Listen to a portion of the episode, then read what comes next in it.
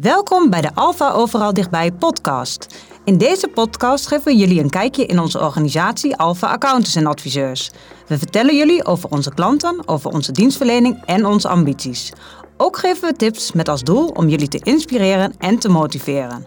Mijn naam is Annemiek Pelle en ik ben marketing- en communicatieadviseur bij Alpha. In deze achtste aflevering praat ik met Bert Lowijs, bedrijfskundig adviseur bij Alpha.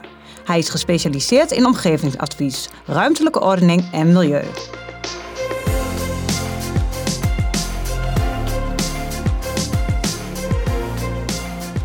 Goedemorgen Bert, leuk uh, dat jij er bent. Um, zou jij jezelf willen voorstellen aan de luisteraars? Ja, Annemiek, dankjewel. Ga ik doen. Nou ja, zoals je zei, ik ben uh, Bert. Ik ben adviseur bij, bij Alfa, bedrijfskundig adviseur. En ik ben gespecialiseerd in het omgevingsadvies. Uh, vroeger noemden we dat ruimtelijke ordening en milieu. Maar met de komst van de omgevingswet hebben wij eigenlijk gezegd van nou, wij gaan daarbij aansluiten. Dus vandaar het omgevingsadvies.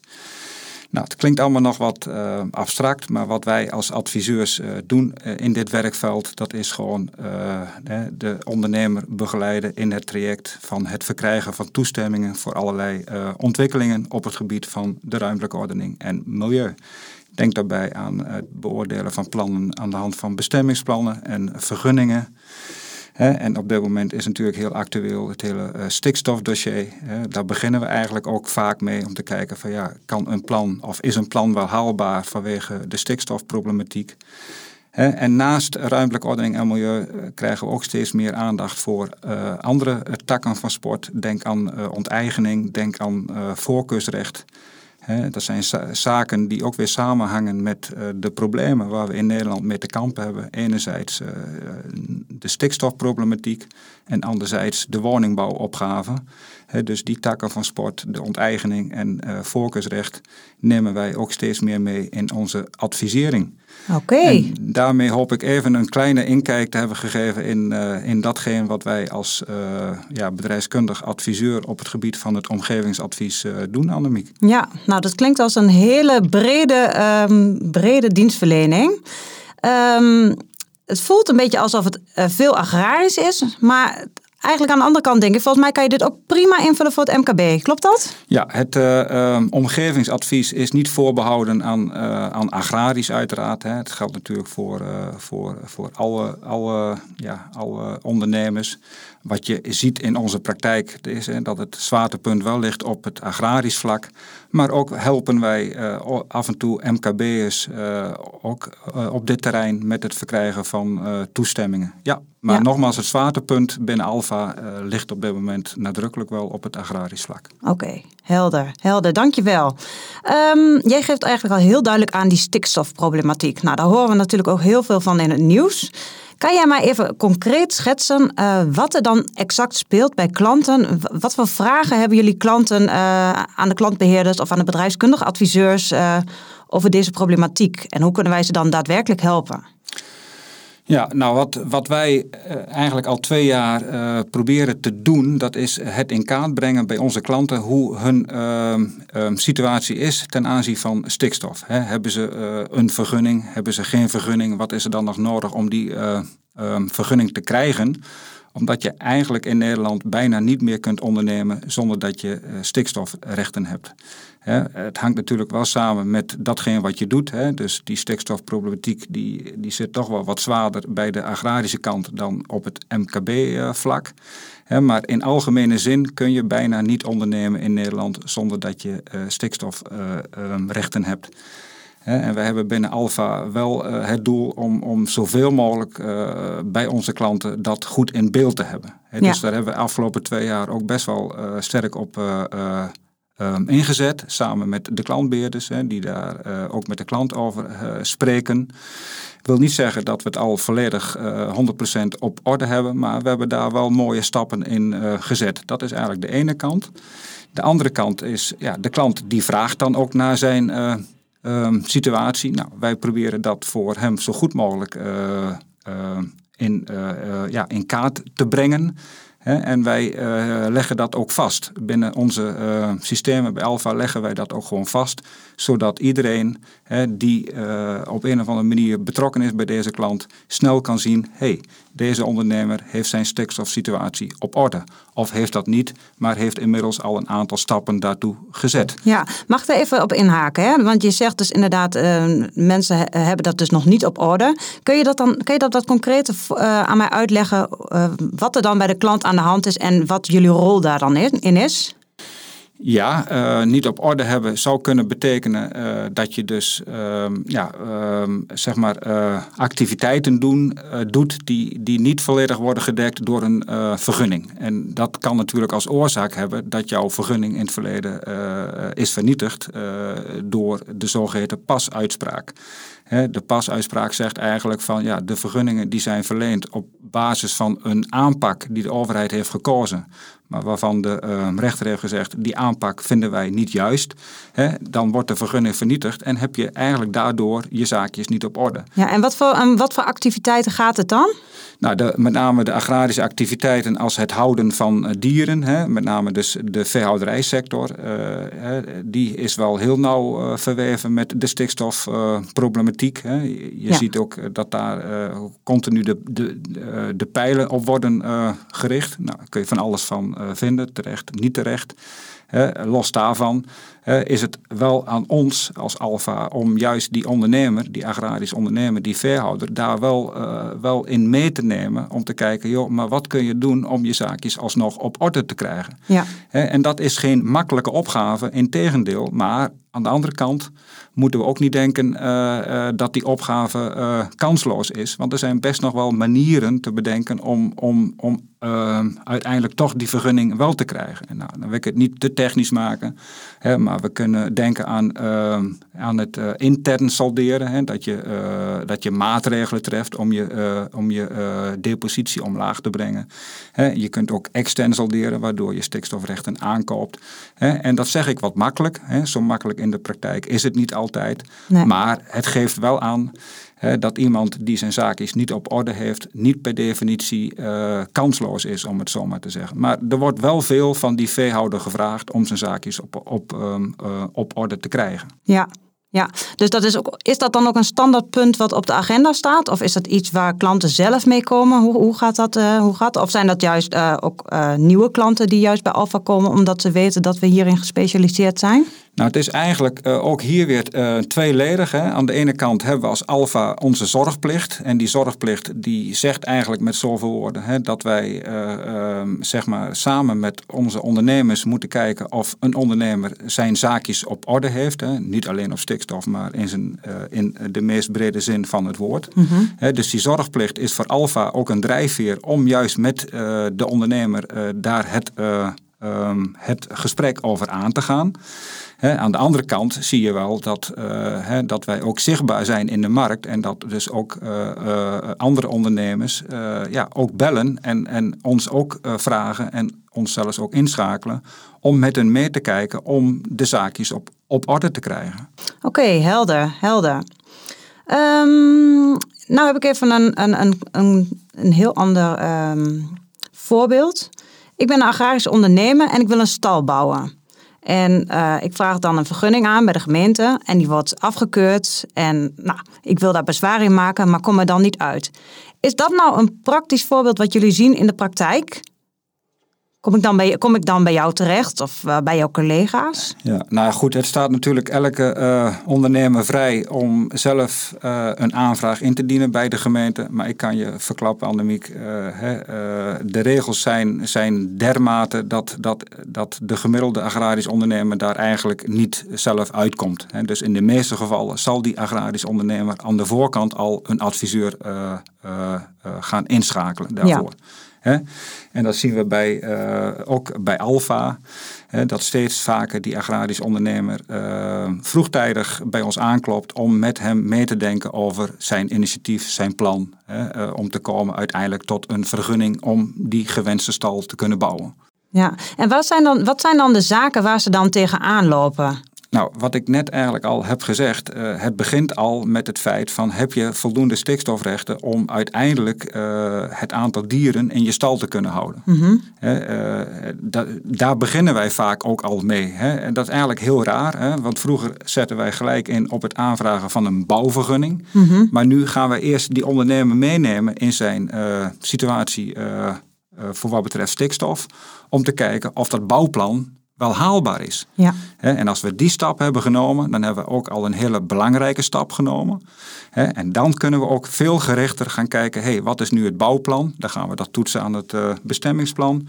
Past het bouwen op grond van het uh, bestemmingsplan? Nou, als dat past, dan kun je ook vrij snel naar een bouwaanvraag uh, toe om uiteindelijk die bouwvergunning te kunnen krijgen, zodat die ondernemer in staat wordt gesteld om zijn gewenste stal te bouwen. Ja, en hebben jullie dan, uh, want die bouwaanvragen die gaan natuurlijk vaak naar de gemeente, toch? Hebben jullie dan uh, ook uh, nauwe lijntjes met de gemeente, moet ik het zo zien? Nou, uh, dat ligt natuurlijk ook een beetje aan, uh, aan je uh, werkgebied. Hè? Maar als ik het op mijzelf betrek, zit ik in een gebied waar ik inderdaad wel goede contacten heb met de gemeente. En ja, uh, daar kun je uiteraard je voordeel mee doen. Ja. Uh, omdat je uh, korte lijntjes hebt, dat je af en toe ook gewoon eens even wat op, op een, een informele wijze eens even met iemand bij de gemeente kunt praten over het plan. Ja. dus dat is eigenlijk best wel belangrijk. maar nogmaals, ik heb natuurlijk niet met elke gemeente in Nederland dat lijntje. Nee. Dat, dat, dat, zal je duidelijk zijn. maar in de regio waar ik vooral bezig ben uh, heb ik inderdaad goede contacten. En die zijn waardevol, die zijn ook belangrijk. En die dragen ook gewoon uiteindelijk best wel bij aan het succes waar het gaat om het aanvragen van een vergunning. Ja, want uh, hoe, lang, hoe lang duurt dat dan voordat een vergunning echt wordt uh, goedgekeurd? Doorgaans dan? Want ik kan me voorstellen dat er heel veel verschillen in zitten. Ja, nou, uh, eigenlijk wel een hele mooie vraag die je stelt. Waarbij het antwoord is van, ja, dat, dat kan van acht weken zijn tot twee jaar. Dat, hè, dat hangt van zoveel zaken af vandaag de dag. Hè. En nogmaals, begin ik maar weer. Hè, is je stikstofsituatie op orde, zodat je de eerste hobbel vrij snel hebt kunnen nemen? Moet je die hobbel echt nemen en is dat niet op orde, vraagt dat veel meer tijd. Ja. En dat is één. Uh, past je bouwplan in het uh, bestemmingsplan? Is het bouwvlak groot genoeg om die gewenste stal te bouwen? Is dat positief, kun je snel door. Past het niet, moet je ook nog weer aan de slag met een wijziging van het bestemmingsplan. En ja. dat zijn eigenlijk best wel langer, uh, lange procedures. Hè, waardoor, uh, wat, je, wat je net eigenlijk zegt, hoe lang duurt het dan? Nou, dan zeg ik ja, het kan van acht weken zijn tot, tot wel twee jaar. Ja, helder, helder. Dankjewel. Um, nu heb ik uh, jarenlang een agrarisch bedrijf gehad. Nou, dat zie je natuurlijk steeds meer, dat mensen gaan stoppen en dat ze een andere invulling willen geven aan de ruimte op het erf. Mag dat dan zomaar? Ja, uh, ik ben haast geneigd te zeggen uh, nee, want in Nederland mag niet zomaar alles. Uh, het is wel gelukkig dat steeds meer gemeenten daar wel oog voor hebben en ook regels voor hebben. Hè? Dat je zegt van nou oké, okay, ik, ik stop met mijn agrarisch bedrijf en ik wil daartoe naar een andere functie. Ja. Wat we in de praktijk zien, is dat toch vaak de woonfunctie. Hè? Dat, dat men zegt, oké, okay, ik ben klaar met mijn bedrijf, ik heb geen opvolger, dus laat mij hier maar wonen. Mm -hmm. Nou, ehm, de rood voor rood regeling, functieveranderingsregeling, hoe je hem ook wilt, wilt noemen. Veel gemeenten hebben gelukkig een dergelijke regeling, waarbij het mogelijk is om je, om je stallen te slopen en ter compensatie daarvan één of meerdere woningen terug te bouwen. Wat we ook zien is dat mensen zeggen, ja, ik, ik wil eigenlijk niet, niet wonen, maar ik wil eigenlijk ook wat toe naar een andere functie. De zorgfunctie is iets wat de laatste jaren enorm in opkomst is. Nou, daar gaan we ook met de gemeente kijken. Is op, hè, is op het uh, betreffende perceel ook die zorgfunctie haalbaar? Ja. Hè, maar dat is in de meeste gevallen wel maatwerk. En maatwerk kost tijd, hè, omdat je met elkaar moet kijken wat kan op dit erf wel en wat kan op dit erf niet. Het is niet standaard van nou dien maar een aanvraag in en met acht weken is het geregeld. Je zult echt uh, in goed overleg met de gemeente moeten kijken. Wat is het plan? Wat wil deze man of vrouw? En wat is daarvoor nodig? En ziet de gemeente daar mogelijkheden toe? Ja. Maar uiteindelijk uh, vind ik wel, uh, en ik zie dat gelukkig steeds meer, en daar gaan we ook steeds meer naartoe, maatwerk op locatie. Ja. Ja, en dus heel belangrijk uh, dat die klant ook um, vroegtijdig, dus ook al bij zijn adviseur aangeeft van uh, wat zijn plannen voor de toekomst zijn, zodat je daar als adviseur ook echt op in kan spelen. Ja, maar dan, dan, raak je eigenlijk ook een andere tak van sport binnen Alfa. Hè? Want we hebben natuurlijk ook uh, andere uh, collega's binnen Alfa die ook nauw contact hebben met, uh, met onze klanten. Hè? Denk met name aan de klantbeheerder, die, die, die toch wel een aantal keren per jaar ook het contact heeft met de ondernemer. Hè? En ook juist die klantbeheerder, die moet af en toe toch eens even polsen bij die, bij die, bij die klant van hé, hey, waar sta je nu, waar wil je naartoe? Ja. Uh, wij als uh, uh, specialisten op het gebied van het omgevingsadvies zitten al heel snel te praten over vergunningen. Hè, maar bij de ondernemer moet het ook gaan over zijn toekomst. Ja. Hè, waar is zijn stip? Ja. Hè, en daar zie ik ook met name wel een mooie rol weggelegd voor de klantbeheerder. En ik, Zeker. Zie, en ik zie gelukkig ook steeds meer klantbeheerders dat gesprek met de klant aangaan. Hè, joh, wat is jouw stip? Hè, waar wil je over tien jaar staan? Ja. Ja, je moet echt, uh, ook als klantbeheerder, echt voelsprieten hebben. Hè? Voelsprieten en uh, de juiste vragen stellen zodat je ook daadwerkelijk weet uh, waar die ondernemer naartoe wil. Dat klopt. Ja. En um, hè, soms uh, heb ik het uh, met de klant er ook wel eens over. Dan zijn we eigenlijk bezig met, met het nadenken over het bouwen van een nieuwe stal. Waarbij ik af en toe toch nog wel eens even vraag: joh, weet je dit zeker? Want hè, het, is, het is niet zomaar geregeld. Nee, dat denk vraag, je even. Hè? Ja. Je denkt van nou, dat, dat, dat is toch zo geregeld. Tenminste, zo zou ik erover nadenken. Ja, dat maar, klopt, hè? maar ja. je gaat ook uh, allerlei uh, financiële verplichtingen aan weer voor langere, uh, voor langere tijd. Hè? Dus ja, het, het vraagstuk van een stal bouwen is veel meer dan alleen maar eventjes een bouwaanvraagformulier invullen, bij wijze van spreken. Hè? nou, en dat is, ja. dat is eigenlijk ook wel heel mooi als je bij Alfa werkt. Hè? Als je dan in zo'n team zit met ook met andere bedrijfskundige adviseurs je kunt samen ook zo'n vraagstuk bekijken. Hè? Want ja. A, de vergunning is natuurlijk belangrijk, maar ook uh, hè, uh, de financiering, maar ook een eventuele uh, subsidie voor die stal. Allemaal zaken die verband houden met het plan van de ondernemer. hey, ik wil een stal bouwen. Ja. Nou, en al die disciplines zitten natuurlijk bij Alfa diep geworteld. En daar hebben we de juiste mensen voor. En met elkaar kunnen wij die agrarisch ondernemer verder helpen. Ja. Uh, met uh, betrekking tot zijn vraagstuk: hey, ik wil een stal bouwen. Want nogmaals, een stal bouwen is veel meer dan het formuliertje voor een bouwaanvraag invullen. Ja. Ja, ja, en dan is het mooi dat wij dat uh, totaaladvies kunnen aanbieden en in eigen huis hebben. Absoluut, ja. absoluut.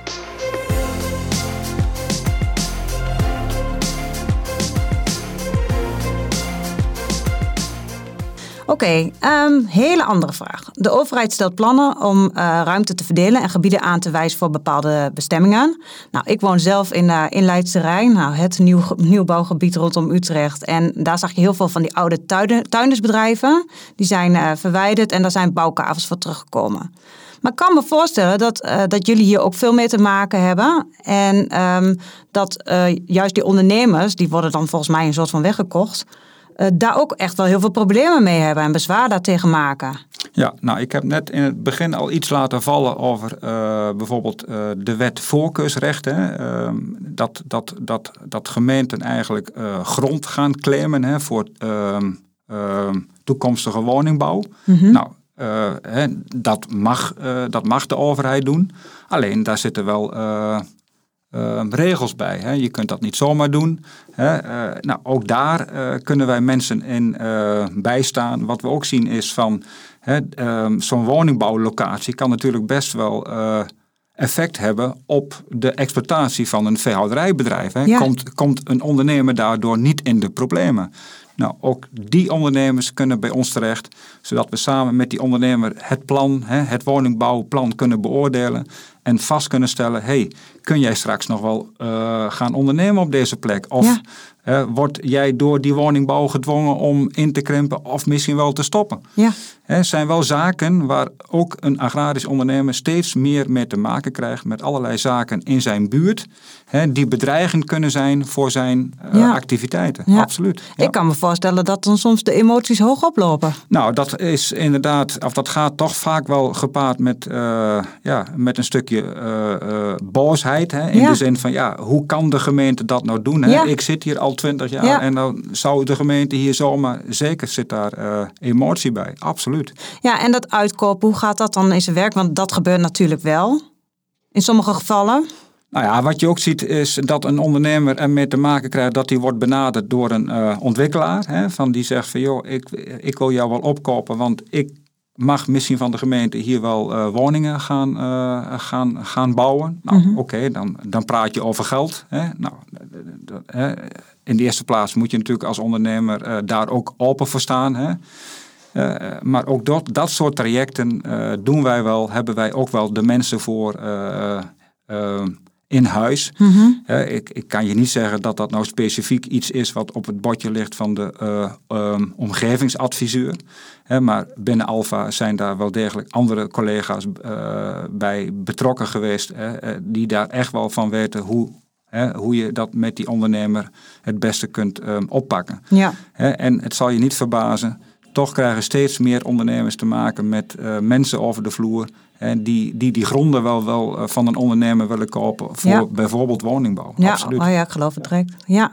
Nou, nu, um, ik zat ook even op onze website te kijken hè, en dan zie je ook wel wat praktijkvoorbeelden staan. Toen las ik ook van, uh, je hebt soms twee bedrijfswoningen en dan wil je uh, nou, toch nog een ander kind bijvoorbeeld wil uh, nog, een, ehm, nog een woning erbij bouwen.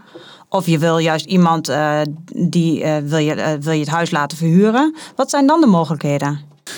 Nou, een bedrijfswoning is in principe bedoeld voor mensen die op het bedrijf werken. daar zijn die woningen voor bedoeld. Nou, inmiddels hebben we in Nederland een regeling dat je een bedrijfswoning ook mag laten bewonen door iemand die geen binding heeft met het bedrijf. Dus je zou hem inderdaad aan een derde kunnen verhuren alleen daar moet wel wat voor worden geregeld. Daar is dan wel weer een toestemming voor nodig van de gemeente. Nou, ook daar hebben we inmiddels al de nodige uh, ervaring mee. En ook daar hebben we al de nodige ondernemers mee geholpen. Mm -hmm. dat zij dus in staat worden gesteld om die uh, tweede bedrijfswoning bijvoorbeeld uh, uh, te laten bewonen door uh, een dochter die niet in het bedrijf zit. Of misschien wel een derde die die woning graag wil huren. Ja. Ja, maar de kern is wel, hè, je zegt het al, twee bedrijfswoningen. Hè, de bestemming zegt gewoon, je woont daar ten behoeve van het bedrijf. Ja. En daar, daar zijn die woningen destijds natuurlijk ook voor gebouwd. Ja. Maar goed, je, ziet, je ziet steeds meer dat vroeger uh, was die arbeidsbehoefte uh, op het bedrijf veel groter dan vandaag de dag. Ja. dus vaak staan die uh, tweede woningen, tweede bedrijfswoningen leeg of, of worden die inmiddels al bewoond door mensen die daar geen binding meer hebben. En daarvoor kan ik alleen maar zeggen, joh, pas een klein beetje op. Hè, want dat wonen is dan wel uh, niet, of is niet uh, overeenkomstig de regels. Hè, en het is toch wel relatief uh, makkelijk op te lossen om daar een vergunning voor te krijgen. Zodat je dat ook met een gerust hart kunt verhuren aan een derde. Zonder dat je daardoor in de problemen komt. Ja. Ja, helder. En hebben jullie nou ook te maken, wat ik hoor ook vaak verhalen over die stankcirkel? Dat je bijvoorbeeld uh, dat uh, huizen worden gebouwd heel dicht bij die stankcirkel en dat mensen daardoor in de problemen komen? Ja, nou kijk, uh, het um, uitgangspunt is dat, dat je natuurlijk niet kunt bouwen binnen een stangcirkel van, of je kunt wel bouwen binnen een stangcirkel, maar je kunt niet bouwen ten behoeve van een gevoelige functie, hè, zoals een woning. Hè, die kun je natuurlijk niet zomaar bouwen binnen een ehm, stangcirkel. Maar ja, het is eigenlijk wel goed dat je dit ook aankaart. Want uh, wat je nog wel eens ziet is, ja, daar wordt nog wel eens makkelijk uh, overheen gestapt. Of er wordt nog wel eens wat makkelijk aan uh, voorbij gegaan. En dus ik, ik zeg ook altijd tegen, de, tegen onze klanten, joh, houd ook gewoon wekelijks die huis- aan huispagina in de krant. Weet wat er in je, in je buurt gebeurt. Hè? Ja. Want ja. er kan zomaar een keer een plan worden vergund waardoor je in de, in de uh, problemen kunt komen. En zo'n stangcirkel is daar wel een uh, voorbeeld van. Hè? Dat, ja. dat, dat er toch een vergunning wordt verleend. En, en dat misschien uh, ja, die beoordeling niet heeft plaatsgevonden of niet goed heeft plaatsgevonden. dus je moet als agrarisch ondernemer en ook als MKB, hoor, welk onder, type ondernemer je ook bent, weet wat er in je directe omgeving speelt. Ja. Hè, en houd gewoon wekelijks die huis aan huis in de gaten. Dat wordt, dat wordt ook eigenlijk van je, uh, van je uh, verwacht. Hè? Er zijn nog wel eens mensen die denken van ja, maar uh, als er naast mij iets gebeurt, dan moet de gemeente mij dat vertellen. Nee, Uh, dat is niet meer zo. De gemeente maakt, uh, maakt dat bekend op de gemeentelijke pagina. Ja. En dat is wettelijk gezien ook voldoende. Ja. En ik zie toch nog wel eens uh, dat mensen dat dan missen en daardoor toch ook in de problemen komen. Ja, want je kan er wel automatische meldingen voor inschakelen. En je ik, kunt hè? daar inderdaad ook een, Ja. een, een, een melding voor aanzetten. En dan krijg je gewoon wekelijks een, een, zeg maar een overzicht van, um, van besluiten die in jouw buurt uh, of die betrekking hebben op zaken in jouw buurt. Ja. En eigenlijk is dat best wel een mooi uh, systeem, zodat je dus eigenlijk automatisch op de hoogte wordt gesteld van uh, plannen in jouw buurt. Ja. Oké, okay, nu las ik ook nog iets over de melding activiteitenbesluit. Kun je dat even toelichten, wat dat dan precies inhoudt? Ja, dan moet ik eigenlijk even beginnen met het vertellen wat het activiteitenbesluit is. Het activiteitenbesluit, dat is een besluit wat allerlei regels stelt aan uh, activiteiten. En dan gaat het met name om regels uh, op het gebied van uh, milieu. Hè. Dus als jij dieren houdt, is dat een activiteit die staat genoemd in het um, um, activiteitenbesluit. En aan het houden van dieren worden allerlei regels gesteld. Maar voordat je die activiteit mag doen, moet je dus een melding doen bij de gemeente dat je voornemens bent die activiteit uit te gaan voeren. Dat is een soort meldingsplicht he, uh, voor elke ondernemer die een activiteit wil gaan doen die in het activiteitenbesluit staat genoemd. En dat betekent eigenlijk dat je je kenbaar maakt bij de gemeente en dat je dus uh, in je melding zegt, nou, ik ga vanaf die datum die activiteit op die locatie ondernemen. Ja, Zo, okay. he, zodat de gemeente weet dat je er bent.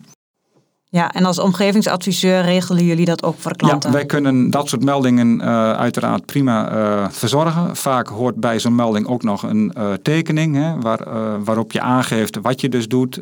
zeg maar een overzicht van de, van de gebouwen. Hè. En de ene gebouw is opslag en de andere is een stal en een derde is dit. een werktuigenberging en al dat soort zaken zetten wij dan op de tekening die we dus dan ook verplicht zijn om mee te sturen bij een melding. Dus een melding is meer dan een formuliertje. Je maakt ook duidelijk op een tekening wat voor activiteit je doet, waar je ze doet en dat soort zaken. Oké, interessant. Helder. En dan uh, de milieueffectenrapportage. Ja, nou ja, sommige uh, activiteiten die zijn dermate dat de effecten best wel, uh, best wel groot kunnen zijn. En in Nederland hebben, wij een, hebben wij een wet die ook gewoon zegt van, hè, dat je voor sommige activiteiten een milieueffectrapport moet laten opstellen. En in dat rapport laat je dus zien wat de effecten zijn van datgene wat je wilt op de omgeving. En nogmaals, in sommige situaties, he, uh, ik noem maar even een voorbeeld. Als je bijvoorbeeld een, uh, een uh, bedrijf wilt, wilt oprichten of een nieuwe stal wilt bouwen voor meer dan 40.000 stuks pluimvee, dan is daar de verplichting om de effecten daarvan goed in beeld te brengen, zodat de gemeente kan beoordelen of voor zo'n plan wat je hebt een milieueffectrapport moet worden uh, opgesteld. Ja. En zijn die plannen nog wat groter, dan kun je ook te maken krijgen met het feit dat je direct een milieueffectrapport uh, moet krijgen. Ja, oké. Okay. Of uh, moet laten opstellen. Ja, ja, nee, inderdaad. Ja. En dat lijkt me ontzettend handig dat je daar dan inderdaad een adviseur voor hebt die je daarbij helpt en meedenkt en je van praktisch advies kan voorzien. Um, we hebben al heel veel volgens mij vergunningen en praktische voorbeelden uh, gegeven. Waarschijnlijk zijn er nog tig andere, maar heb jij er nog uh, een aantal waarvan je zegt, nou die wil ik toch nog even nu benoemen, omdat ze dermate belangrijk zijn uh, dat de luisteraars hier goed van op de hoogte is? Nou ja, nogmaals, we hebben het er al eigenlijk vrij uh, uitgebreid over gehad. Maar nogmaals, uh, wij als uh, adviseurs op het gebied van het omgevingsadvies vinden toch echt wel die stikstofsituatie ontzettend belangrijk. Hè? Dat je dat op orde hebt. Dat je daarmee vooruit kunt. Hè? En, en als je het niet op orde hebt, raak niet in de war. Hè, maar neem contact met ons op en wij willen met alle plezier eens even kijken hoe jouw uh, situatie is. Hè, en als het niet, niet in orde is, willen we uiteraard meedenken om te kijken, hey, wat zijn voor jou dan toch nog de mogelijkheden om het wel uh, in uh, orde te krijgen. Want ik heb je ook gezegd, elk nieuw plan begint eigenlijk al met uh, het beoordelen van je stikstofsituatie. ja. want als dat niet op orde is, ja, dan, dan, dan is de haalbaarheid van je plan eigenlijk best wel uh, een hele grote uitdaging. Ja dus dat, dat, dat, wil ik eigenlijk tot slot eigenlijk de mensen nog wel, uh, nog wel meegeven. En, en nogmaals, wij staan daar gewoon open voor om daar gewoon eventjes uh, met uh, wie dan ook gewoon eens even mee te kijken. Joh, hoe is nou jouw situatie? Ja. En als het in orde is, is het ook in orde. Hè? Dat is eigenlijk hartstikke mooi. En gelukkig zien we ook hè, dat binnen Alfa, denk ik, een inschatting toch wel zo'n 60% van onze ondernemers de zaakjes gelukkig wel op orde hebben. Hè? Die, die kunnen dus ook ondernemen. Maar we moeten ook vaststellen dat er nog steeds ondernemers zijn, door welke reden dan ook. Hè, dat ligt ook niet altijd aan hunzelf. Hè, maar dat ze hun zaakjes op dit vlak dan toch nog niet op orde hebben. Ja, nou ja, dat is toch 40 procent, dus dat vind ik nog behoorlijk ja, veel. Dat klopt. Ja, ja, ja. Goed, we zijn aan het einde gekomen van de podcast. Hoe vond je het, Bert? Nou, ik vond het leuk om, uh, om jou en daarmee ook onze uh, luisteraars toch wat te vertellen over het uh, um, omgevingsadvies. Ja. En, en nou ja, dat is natuurlijk hartstikke goed. En je merkt aan mij, hè, ik ben ook een klein beetje een vakidioot.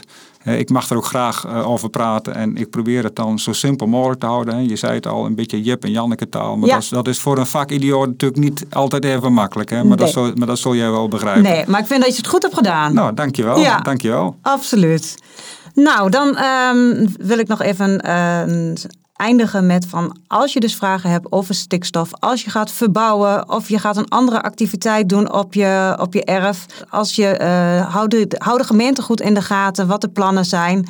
En als je daar dan vragen over hebt, dan weet dat er dus binnen Alfa omgevingsadviseurs zijn die de paden kennen en de contacten hebben met de gemeentes en de provincies en jou kunnen begeleiden om snel en efficiënt in actie te komen.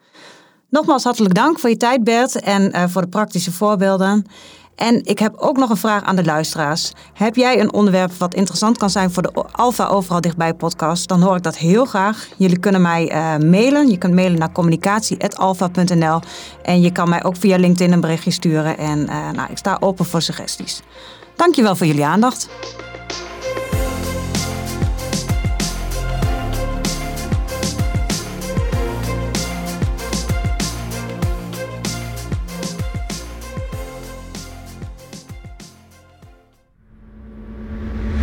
Deze podcast is met trots geproduceerd door Content Leaders.